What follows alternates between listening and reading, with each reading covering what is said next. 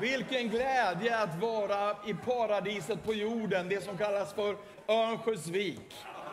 Om du var här igår kväll så hörde du mig berätta om att jag bara för några månader sedan kom i kontakt med en god vän som hade börjat med släktforskning.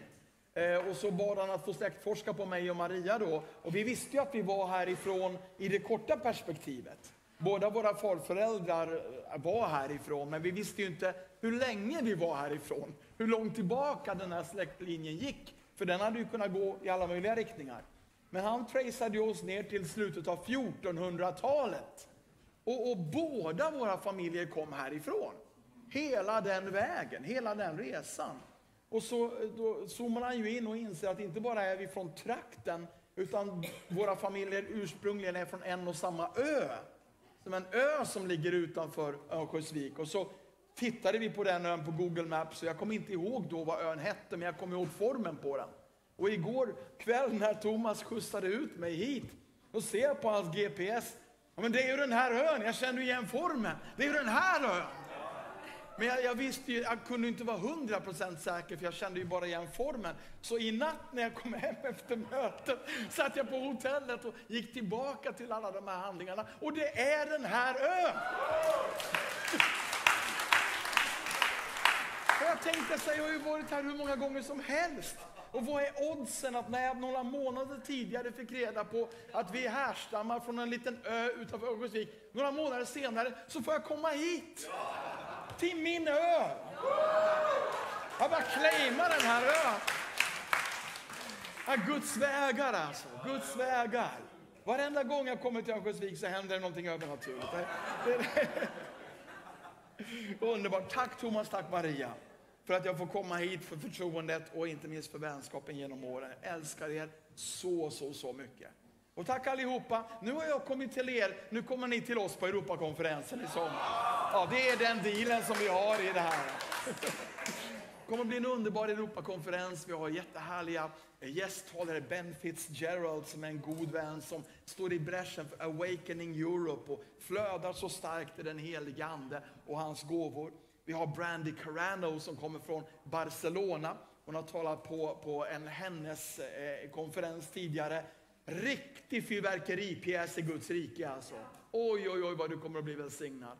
Och så också en ny bekantskap, Tim Ross, som var ungdomspastor för T.D. Jakes i, i USA. Jag lyssnade till honom första gången för kanske tio år sedan.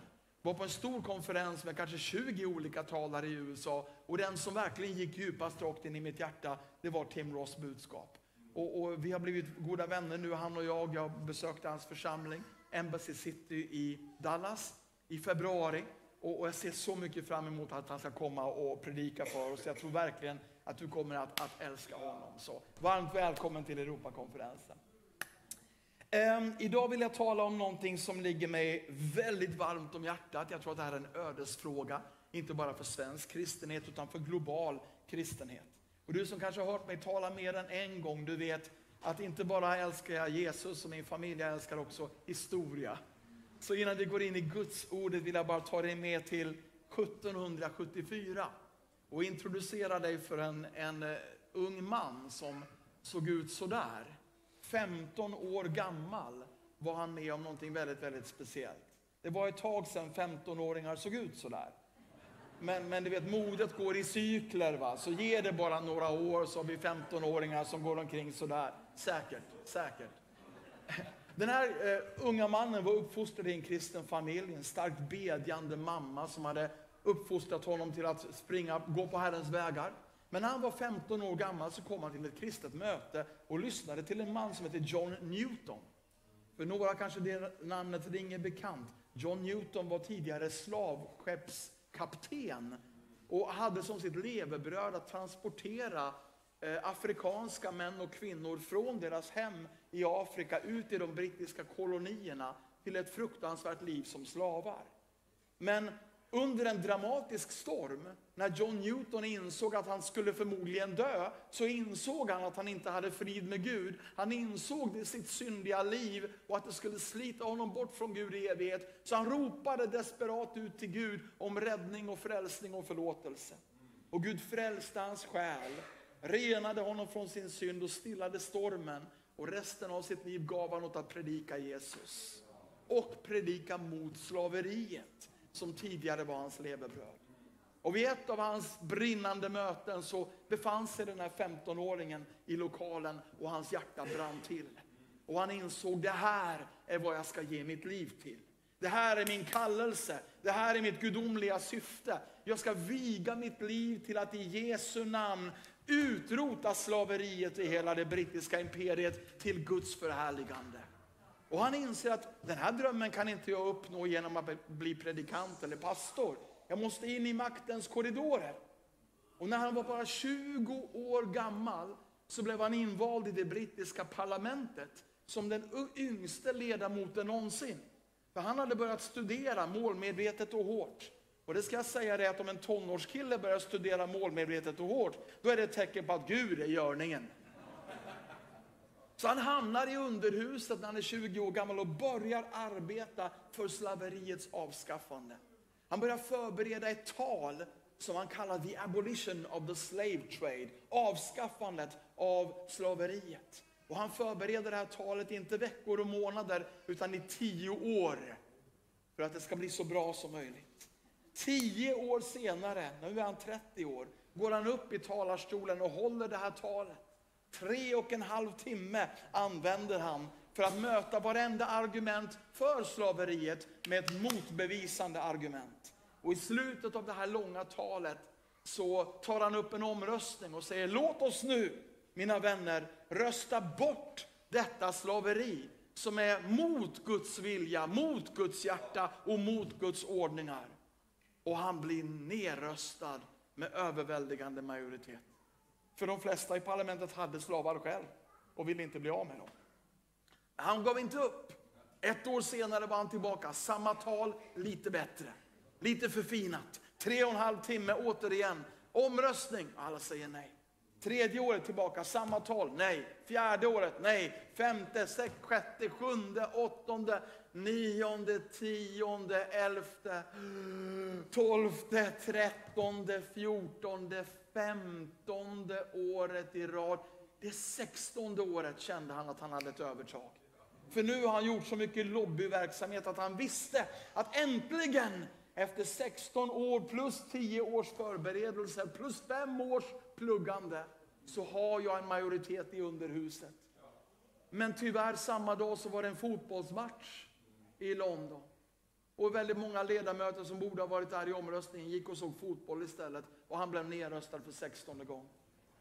17 året tillbaka igen, 18 året till sist så röstar underhuset för hans förslag. Förmodligen för att det är enda sättet att bli av med den här människan. Då plötsligt, den dagen, så görs slaveritransporter olagliga in i det brittiska imperiet.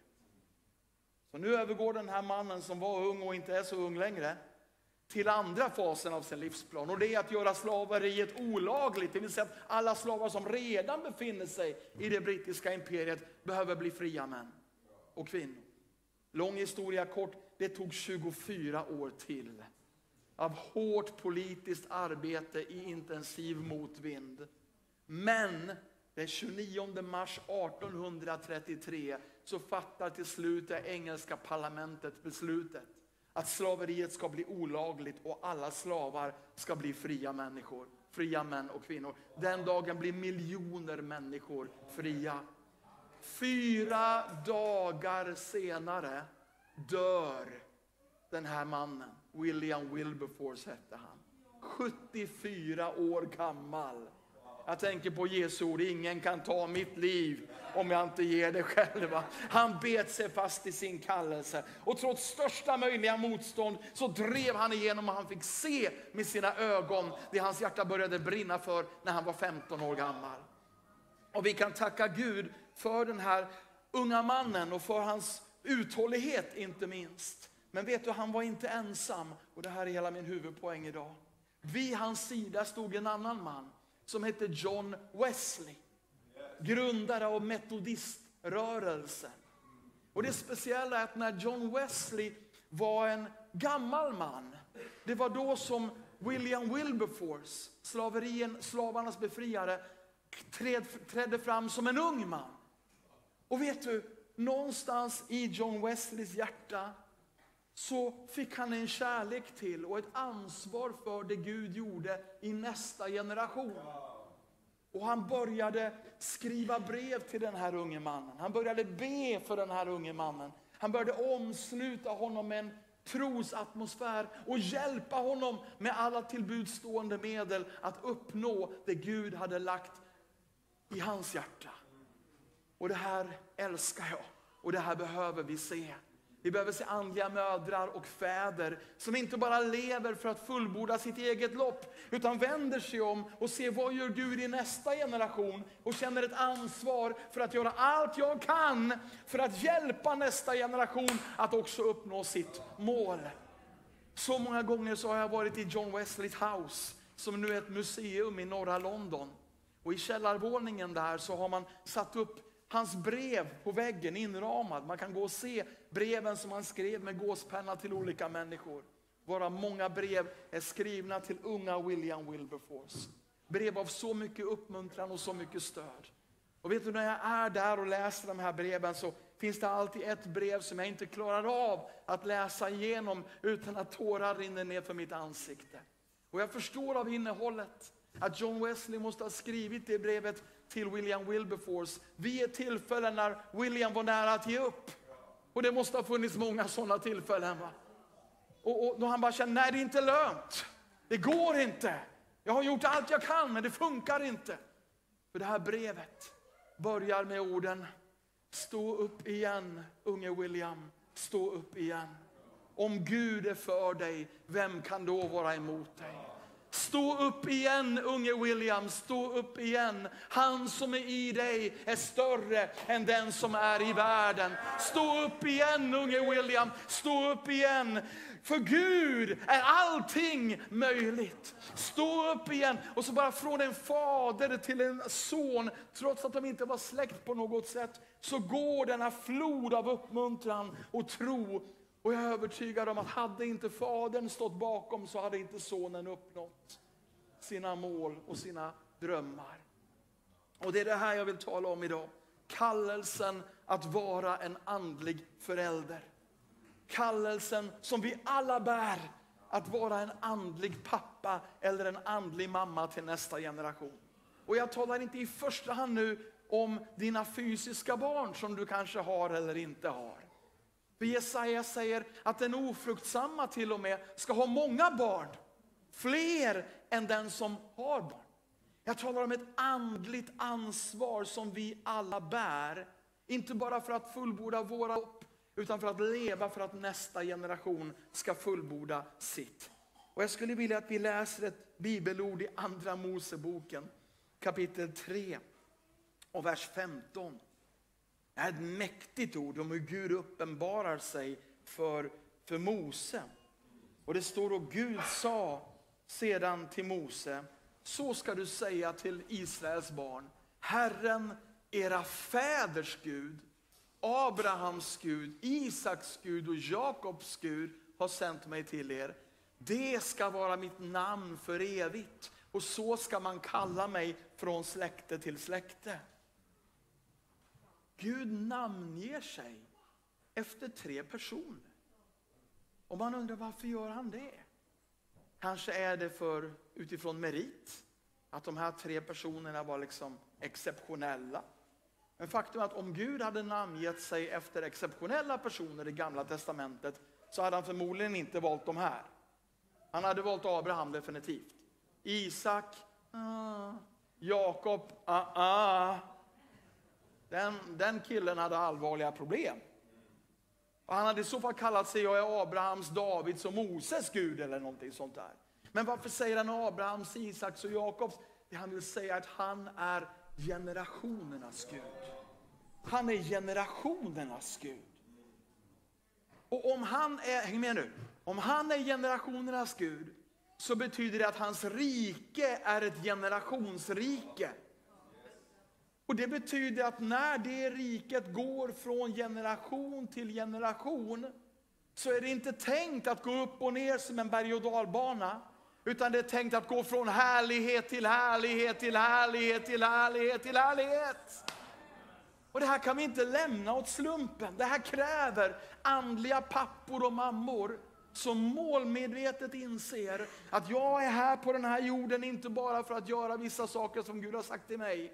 Jag är här för att vara en länk i en kedja. Jag är här för att göra allt jag kan för att underlätta för nästa generation att springa längre än jag någonsin sprang. Och de ska få jobba hårt för det. Amen. Och jag vill bara ge några sätt på vilket du kan kliva in ännu mer i den rollen som en andlig förälder, en andlig pappa och mamma. För det här är som jag sa i början en ödesfråga. De senaste åren har jag gjort många studier på väckelser och rörelser de senaste 150 åren över hela världen. Vad har Gud gjort? Vad har Gud sagt? Vilka väckelsevågor har färdats över jorden? Varför har de börjat och varför har de slutat? Och faktum är, och det här ger mig ett visst mått av gudsfruktan och också väldigt mycket motivation att tala om det här, att vårt största nederlag som Guds församling verkar vara vår oförmåga att, pass, att skicka facklan vidare till nästa generation. Guds eld har brunnit så många gånger, vilt och galet och underbart och vackert i en generation. Och sen falnar det i nästa. Och jag vägrar att tro att det är Guds plan. Jag vägrar att tro att det är Guds bästa. Den Gud jag tjänar och den Gud jag älskar är inte berg och dalbanornas Gud. Han är Guden som låter sitt rike gå från härlighet till härlighet. Mer och mer, större och större, vackrare och vackrare till dess vi går in i himmelen och härligheten och fullkomligheten. Så varför går det upp och ner? Varför är väckelsehistorien en lång rad av toppar och dalar? Jag tror att en stor del i det är bristen på fäder och mödrar. Samma sak som vi ser i samhället idag. Vi har en ung generation som löper amok på grund av brist på fäder och mödrar. Brist på trygghet, stabilitet, regler och normer. Allt det där som en familjegemenskap skulle ge dem. Och jag kommer ihåg här om året så, så skrev Alf Svensson en text i Dagen. Han skrev många talar om att vi behöver 10 000 nya poliser. Och det behöver vi säkert. Men vad vi behöver ännu mer är 10 000 pappor och mammor. Och jag säger samma sak om Guds församling. Vi behöver tiotusentals pappor och mammor. Och vi behöver acceptera den här kallelsen, för det är min första punkt. Acceptera kallelsen. Vi behöver acceptera kallelsen att vara andliga föräldrar, andliga pappor och mammor. Och jag nämnde igår kväll i en helt annan kontext att vi faktiskt lever idag, inte bara i världen, utan i den del av världshistorien som är mer självisk och egoistisk än någonsin tidigare. Och det gör också att vi som Guds församling förmodligen är längre bort från den här tanken nu än vad man har varit tidigare. Det judiska folket till exempel, det har varit fullständigt naturligt att tala med sina barn och låta tron gå från generation till generation. Idag lever vi med en mer vad ska man säga, individualistiskt perspektiv. Och vi kan också tolka in det i vår vandring med Herren. Vad är min kallelse? Vad är min uppgift? Vad är min tjänst? Hör du att det är ett ord som är väldigt vanligt återkommande där? Min. Och det är klart att självklart har du en kallelse. Självklart har du en uppgift. Men en del av den uppgiften är att vara en andlig pappa och mamma.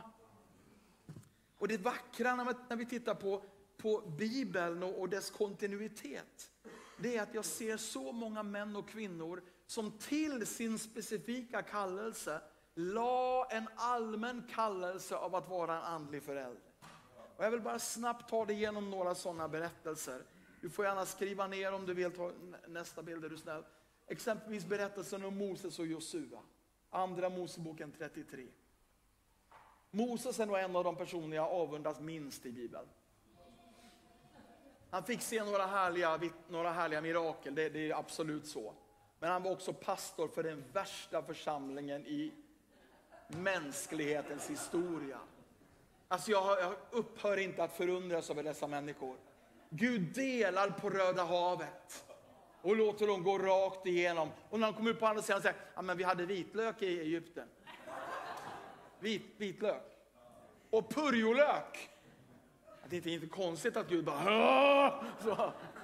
Och den här skaran av en till tre miljoner människor ska nu Mose liksom coacha här och talar inte entusiasm i och sådär. Jag är övertygad om att i slutet av dagen måste Moses ha varit fullständigt utmattad på insidan.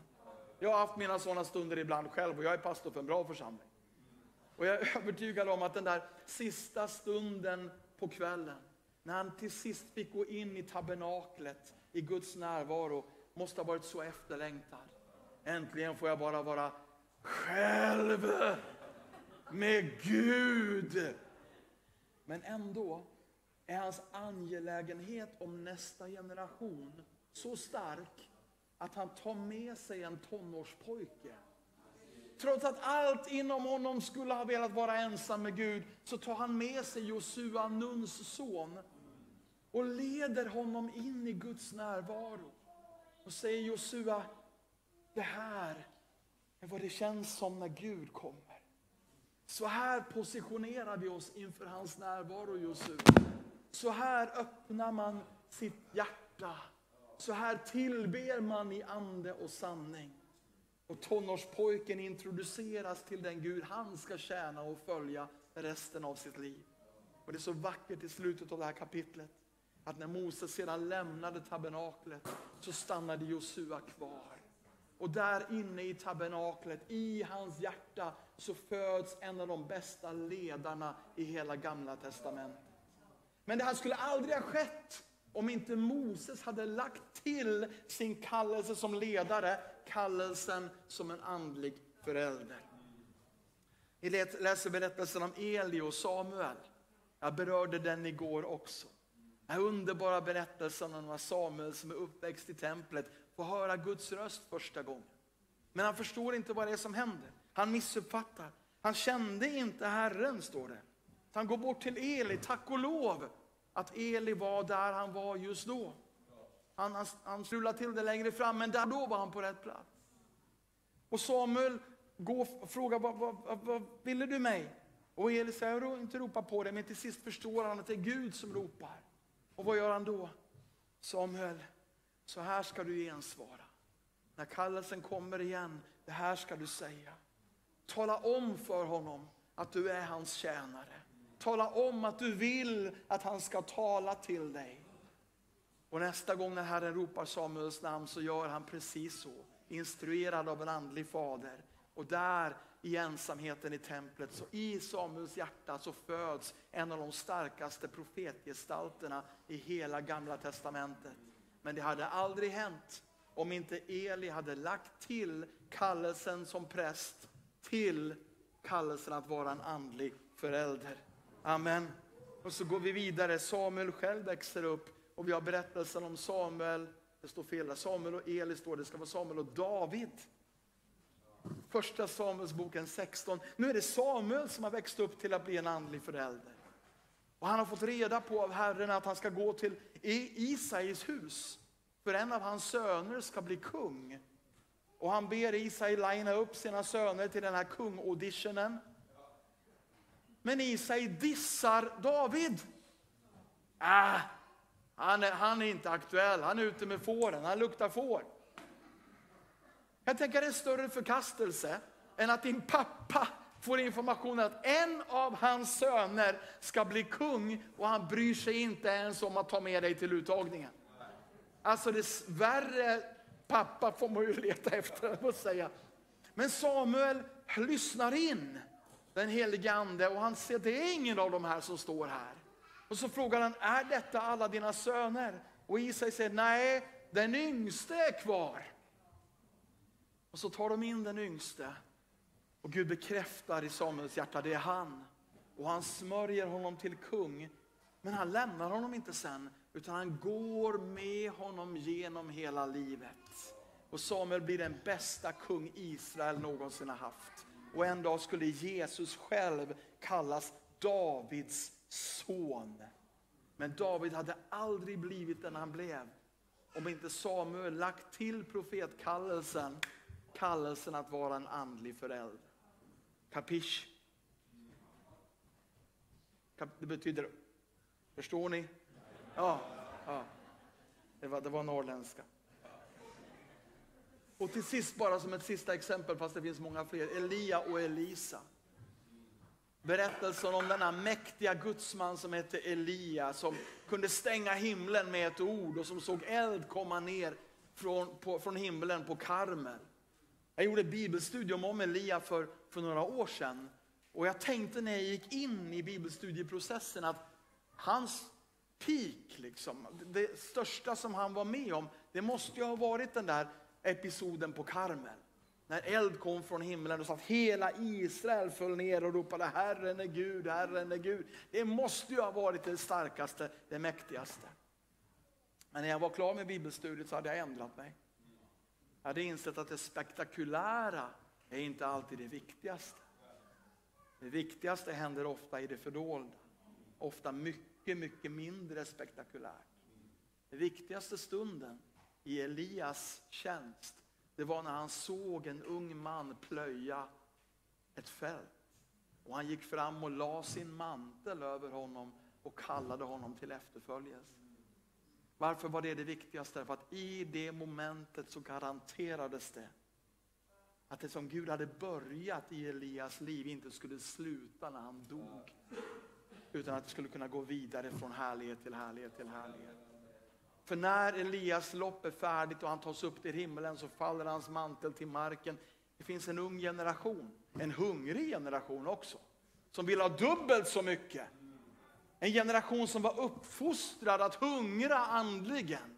Som hade lärt sig av sin andlige far att förvänta sig ännu större saker. Och han plockar upp manteln och så går han ut och så gör han 16 mirakel som är dokumenterade i Bibeln medan Elia gjorde 8. Han gör exakt dubbelt så många mirakler som Elia gjorde. Vet du vad? Det är mitt hjärtas djupaste dröm. Jag blev entusiastisk här. Det är mitt hjärtas djupaste dröm.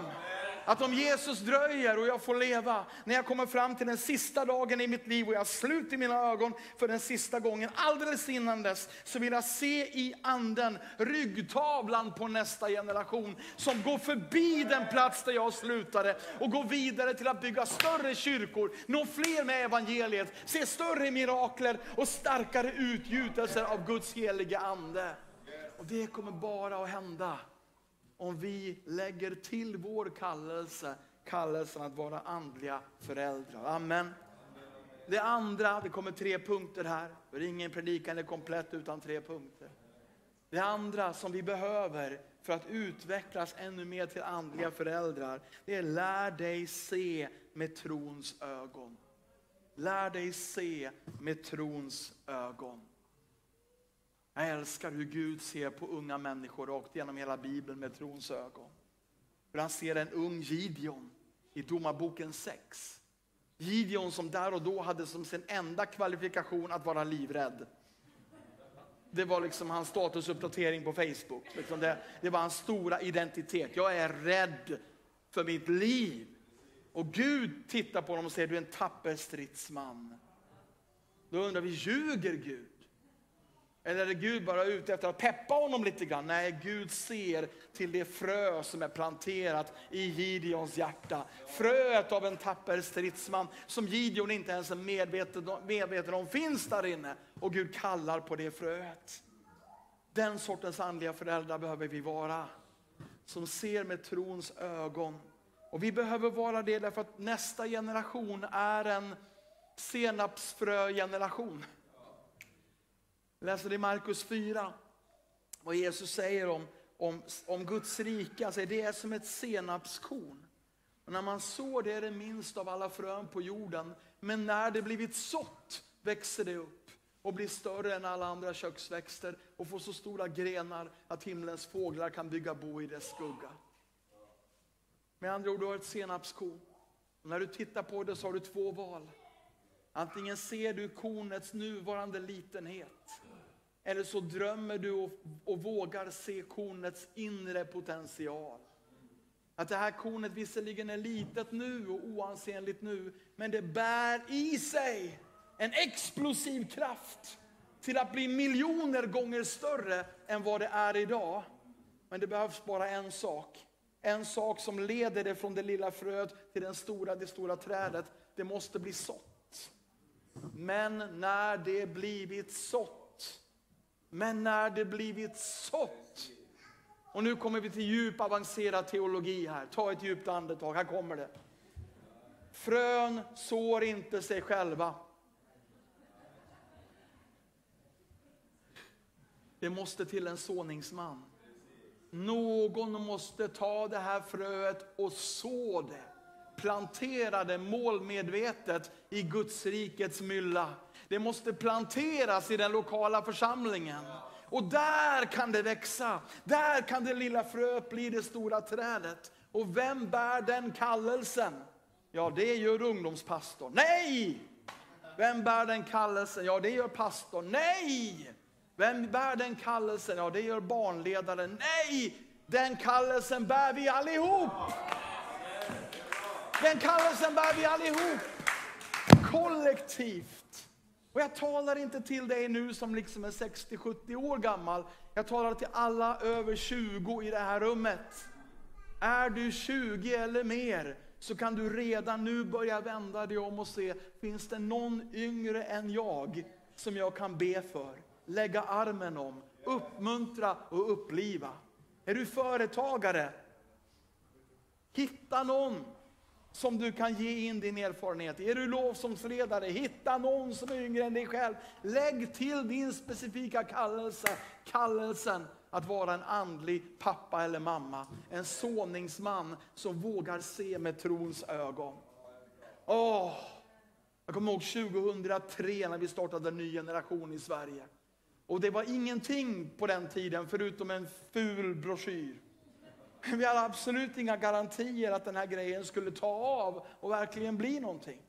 Men jag känner till kraften i vittnesbörd. Så att jag började be Gud, Gud kan du inte bara låta, få, få några så här, riktigt starka, härliga, överlåtna, dunderkristna ungdomar att ta lite initiativ som vi kan berätta om. Och så kan de initiativen fortplanta sig. Och jag bad om detta varje dag. Och jag såg liksom i min inre syn den här universitetsstudenten som liksom har predikantfrisyr och superfrimodig eh, i sin tro, som liksom hade de naturliga ledarskapskapaciteterna. De skulle kunna göra någonting och så, så skulle det kunna bli pionjärinitiativet. Jag kunde inte haft mer fel. För pionjärinitiativet till ny generation togs inte av en proffskristen ung vuxen, utan av en tolvårig tjej som hette Janni som startade den allra första gruppen i Ny Generations historia. Och hennes enda kvalifikation var att hon var livrädd kan jag säga dig. Hon hade aldrig sett sig som en ledare, men hon råkade befinna sig på den youthkonferens där vi liksom för första gången introducerade det här och det brann till i hennes 12-åriga hjärta. Och hon gick fram och hon överlåt, lät sig, jag ska starta en ny generationgrupp. Trots att allt inom henne, hela hennes personlighet sa, du kan inte, det går inte, du har inte vad som behövs. Och hon åkte tillbaka och satte upp en liten affisch på anslagstavlan. Jag startade en ny generationgrupp, vi har första samlingen på fredag. Det gav ju Gud fem dagar då att göra ett kvalificerat mirakel. Annars skulle Janni vara själv på den där samlingen. Nästa dag på tisdagen står hon vid busshållplatsen efter skolans slut. Och där står hon och bara väntar på bussen, men så noterar hon att en tjej står och gråter en liten bit bort. Och Janne känner inte den här tjejen och den svenska instinkten om någon visar känslor offentligt, det är att vi bara låtsas som ingenting och tycker att det är pinsamt. I Sverige visar vi ju inte känslor offentligt. Om någon skrattar offentligt i Sverige förutsätter vi att det är norrman. Ja men och, jag menar, om, någon, om någon gråter offentligt så förutsätter jag att de kommer från Finland. Liksom. Men, det, det, men i, i, Sverige så liksom gör vi ju inte sådana saker. Vi blir lite osäkra och obekväma när det sker. Va? Men plötsligt börjar Jannis hjärta slå och hon kommer ihåg beslutet hon fattade på youthkonferensen. Och, och med blytunga steg och, och svetten droppande ner för pannan så går hon över till den här tjejen och frågade Hur mår du? Kände sig fullständigt obekväm inför detta. Men den här tjejen öppnar sitt hjärta och börjar berätta hur livet faller samman. Föräldrarna ligger i skilsmässa och vännerna har svikit och skolan går värdelöst. hon vet inte vad hon ska göra. Och för första gången så börjar Janni berätta om Jesus. Hon har aldrig gjort det någon gång. Hon gått i söndagsskolan hela sitt liv men aldrig haft ett utlopp. Och, så, och när hon börjar berätta, trots att hon var övertygad om sin oförmåga, så känner hon att hon har saker. Det bär. Hon känner att Gud är med henne. Och hon börjar berätta om, om Moses och den brinnande busken och Noa och arken. Hon vet inte vad som är viktigt och inte i sammanhanget. Så börjar berätta liksom, den barmhärtige samariten och den förlorade sonen och allt möjligt. Och de står där, bussarna kommer och bussarna går. Och de här två tjejerna står där och pratar och Janni delar allt hon vet om Gud. Och till sist säger hon, vill du hänga med hem till mig så kan vi prata lite mer. Och den här tjejen vill det och följer med Janni hem. Och Janni får leda henne till tro på Jesus Kristus den kvällen. Och när fredagen kommer så har Janni lett fyra nya tjejer utöver den här första till tron på Jesus Kristus. På en vanlig svensk skola. Tre månader senare kommer vi till hennes stad och har en ledarsamling. Och Janni kommer, och liten också vet du, kommer med ledarmanualen under armen. Och en kaxig självsäkerhet som är bara helt otrolig. Kliver hon in i lokalen så som om hon vore liksom aposteln i den yttersta tiden. Och så ber vi alla ledare berätta om vad som har hänt i deras skolor. Och Janne kliver upp först, greppar micken.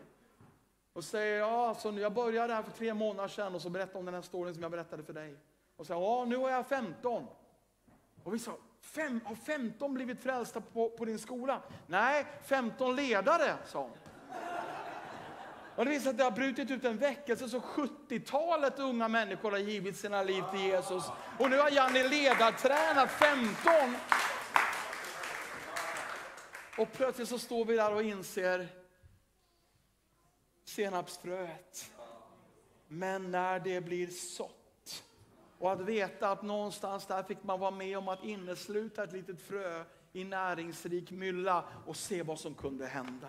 Amen. Låt oss lära oss att se med trons ögon. Det tredje och sista jag vill tala med dig om, bara här till avslutning, är ändra dina prioriteringar.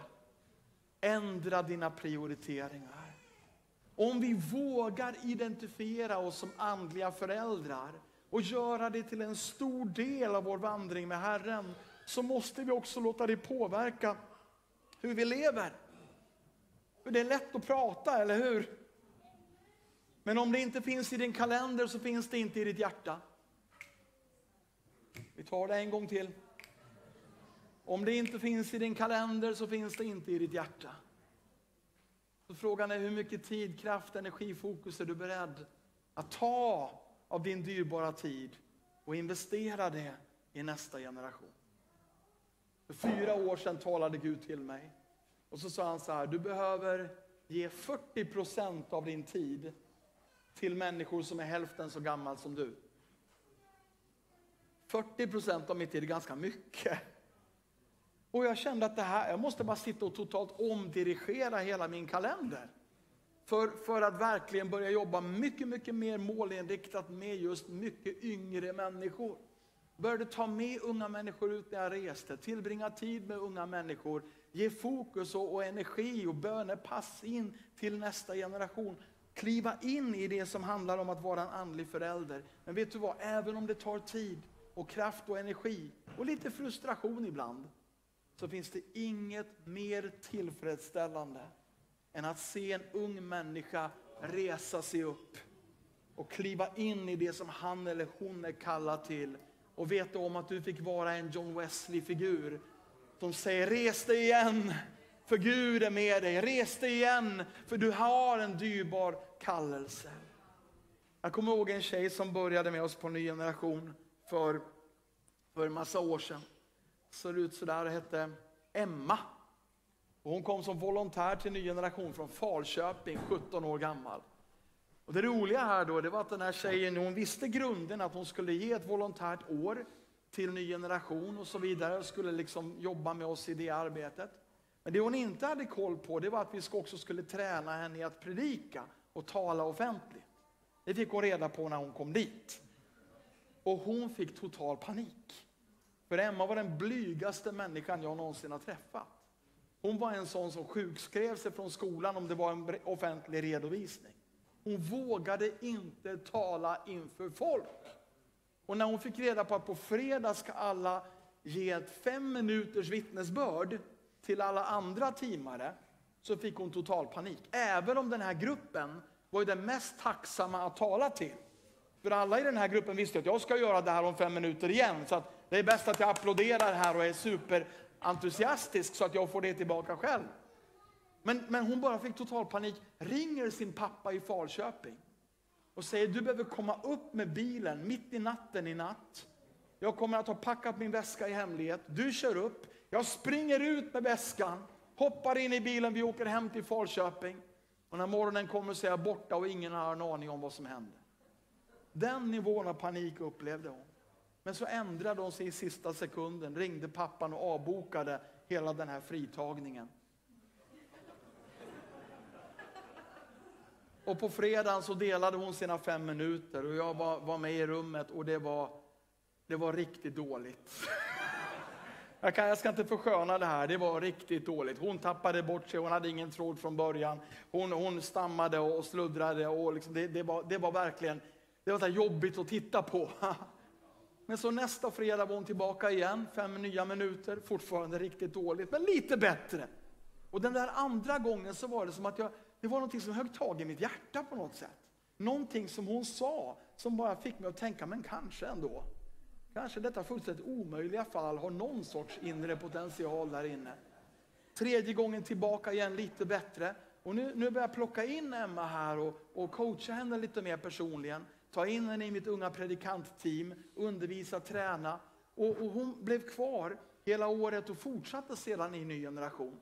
Och, och, jag började träna henne mer och mer och mer i teamet, mer och mer personligt. Jag började hjälpa henne skriva predikningar utifrån vad som brann i hennes hjärta. Hon började resa i Sverige i ny generations namn, predika på ungdomsmöten.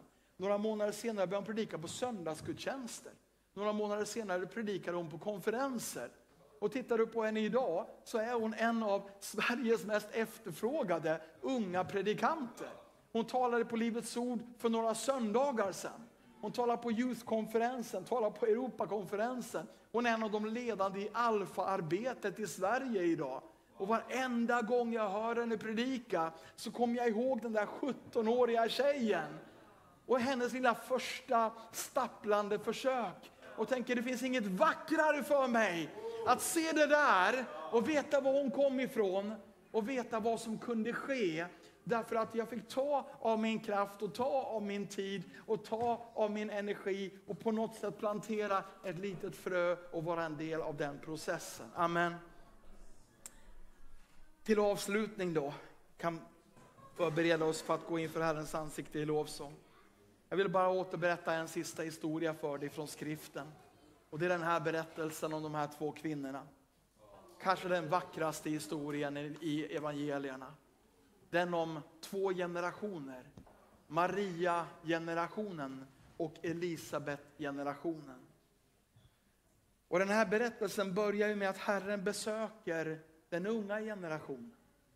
Vi läser att i den sjätte månaden blev ängeln Gabriel sänd av Gud till en jungfru i staden Nasaret i Galileen. Hon var trolovad med en man som hette Josef och som var av Davids släkt och jungfruns namn var Maria. Ängeln kom in till henne och sa gläd dig du som fått nåd, Herren är med dig. Och så berättar ängeln för Maria att hon har en kallelse på sitt liv och att hennes liv är mycket dyrbarare och viktigare än vad hon någonsin har anat. Och så ser vi hur den unga generationen gensvarar. Maria sa, jag är Herrens tjänarinna. Låt det ske med mig som du har sagt. Och ängeln lämnade henne. Det här är så vackert. Och, och, jag är så tacksam till Gud att jag under mitt liv har fått sett det här 10 000 gånger om. Jag har fått stå på bästa åskådarplats när tusentals ungdomar över hela jorden har fattat dessa beslut och sagt jag är Herrens tjänarinna, jag är Herrens tjänare. Låt det ske med mig Gud. Låt det ske med mig Gud. Men så står det, och ängeln lämnade henne. Ängeln lämnade henne. Ungdomskonferensen tog slut. Gåshuden la sig. Och frågan är, vad händer nu? Det är den stora frågan. Vad ska hända nu när ängeln har lämnat? Vad ska den unga generationen göra nu? Och då står det ju så vackert att vid den tiden bröt Maria upp och skyndade till en stad i Judabergsbygd. Där gick hon in i Sakarias hus och hälsade på Elisabet. För ängeln hade sagt till henne att Maria, du har en kallelse, men jag har också förberett en andlig mamma för dig. En kvinna som har varit gravid, precis som du kommer att bli. Men hon har gått längre i processen. Hon vet vad som väntar dig och hon kan hjälpa dig, be för dig och ge dig den trygghet du behöver. Och så möts de två kvinnorna, de två generationerna. Och det som händer då, det är att anden faller över dem båda två. Elisabets barn blir upplivat och återfyllt av den helige Ande i kontakten med nästa generation. Och Maria utbrister den här ljuvliga lovsången. Min själ prisar storligen Herren. Och det här är som en mönsterbild för dig och mig. När generationerna kommer samman, när vi accepterar kallelsen till att bli andliga föräldrar, så kommer anden att falla över alla generationer. Och Guds rike kan ha framgång. Så i slutet av gudstjänsten idag ska vi ställa oss upp inför Herrens närvaro och bara överlåta oss till den här kallelsen. Överlåta oss till kallelsen att vara andliga föräldrar, andliga pappor och mammor. Kanske lever du redan på det sättet, kanske är du en av de många som ber för nästa generation på dina knän. Underbart! Men, eh, men om du inte gör det, om du känner att de här tankarna jag delar nu kanske inte är sådana som är helt naturliga för dig, som inte du går omkring och tänker på var och varannan dag. Då ropar Herren på dig att du ska öppna ditt hjärta och till din specifika kallelse lägga kallelsen att vara en andlig förälder, en andlig pappa och mamma. Jag vill lyfta våra händer och sluta våra ögon och så bara låter vi den helige Ande lägga ner det här perspektivet inom oss. Herre, vi tackar dig att i en generation, i en tidsålder där generationsklyftorna blir större och större och större. Avstånden blir större och större. Distansen blir större och större mellan generationerna. Så tackar vi dig att du kallar din församling att vara en motkraft mot allt detta. Du kallar oss som församling att gå i motsatt riktning Gud.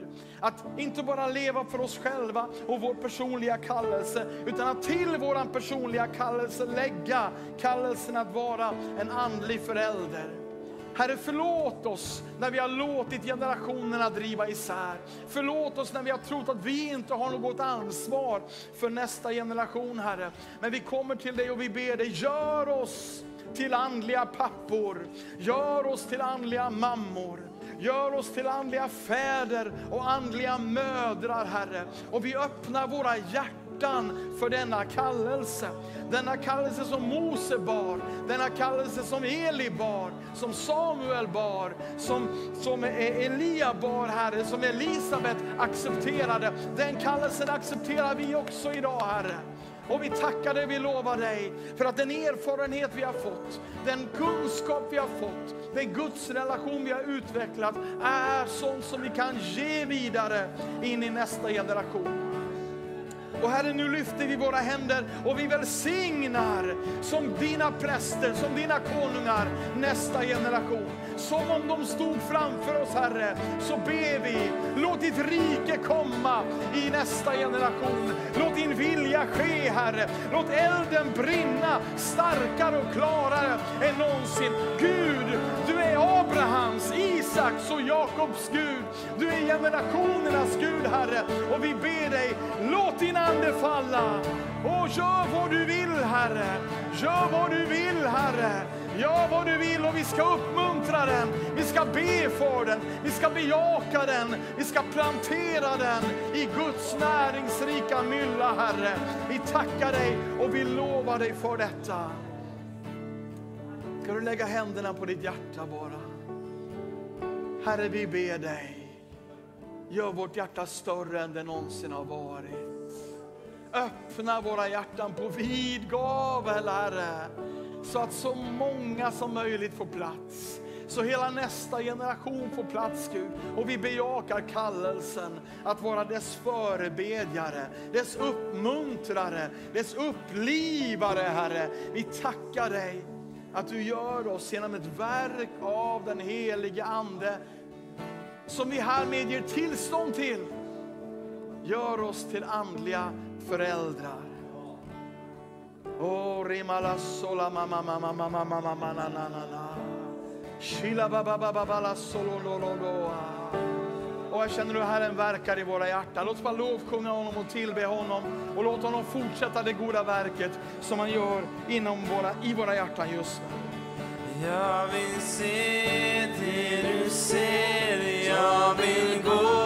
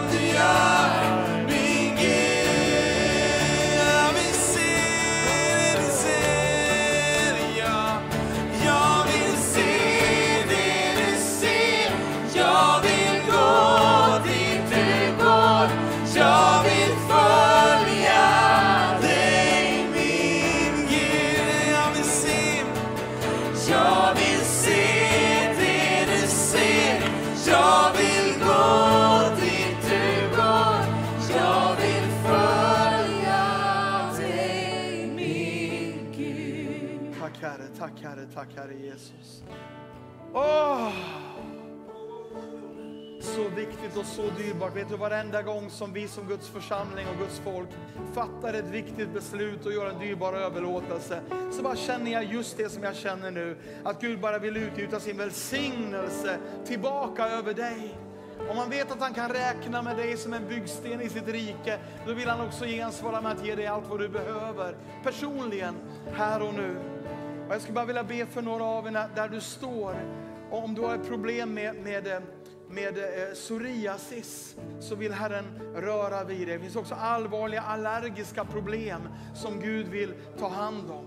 Om någon har en hälsporre, jag tror på vänster fot, eller så kanske jag har fel och, det är höger, men en hälsporre har problem att stödja på foten på grund av det. Det finns också någon sorts ärftlig blodsjukdom som, som jag bara hör anden tala till mig om, som, som Gud vill röra vid dig eh, och, och, och bota. Tack Jesus, tack Jesus, tack Jesus, tack Jesus. Här är något mer, är det något mer? Är det något mer specifikt, något mer specifikt? Tack Jesus. Oh, och det finns en djup, en, en djup förkastelse som Herren vill lyfta av dig från en traumatisk barndom, en traumatisk uppväxt.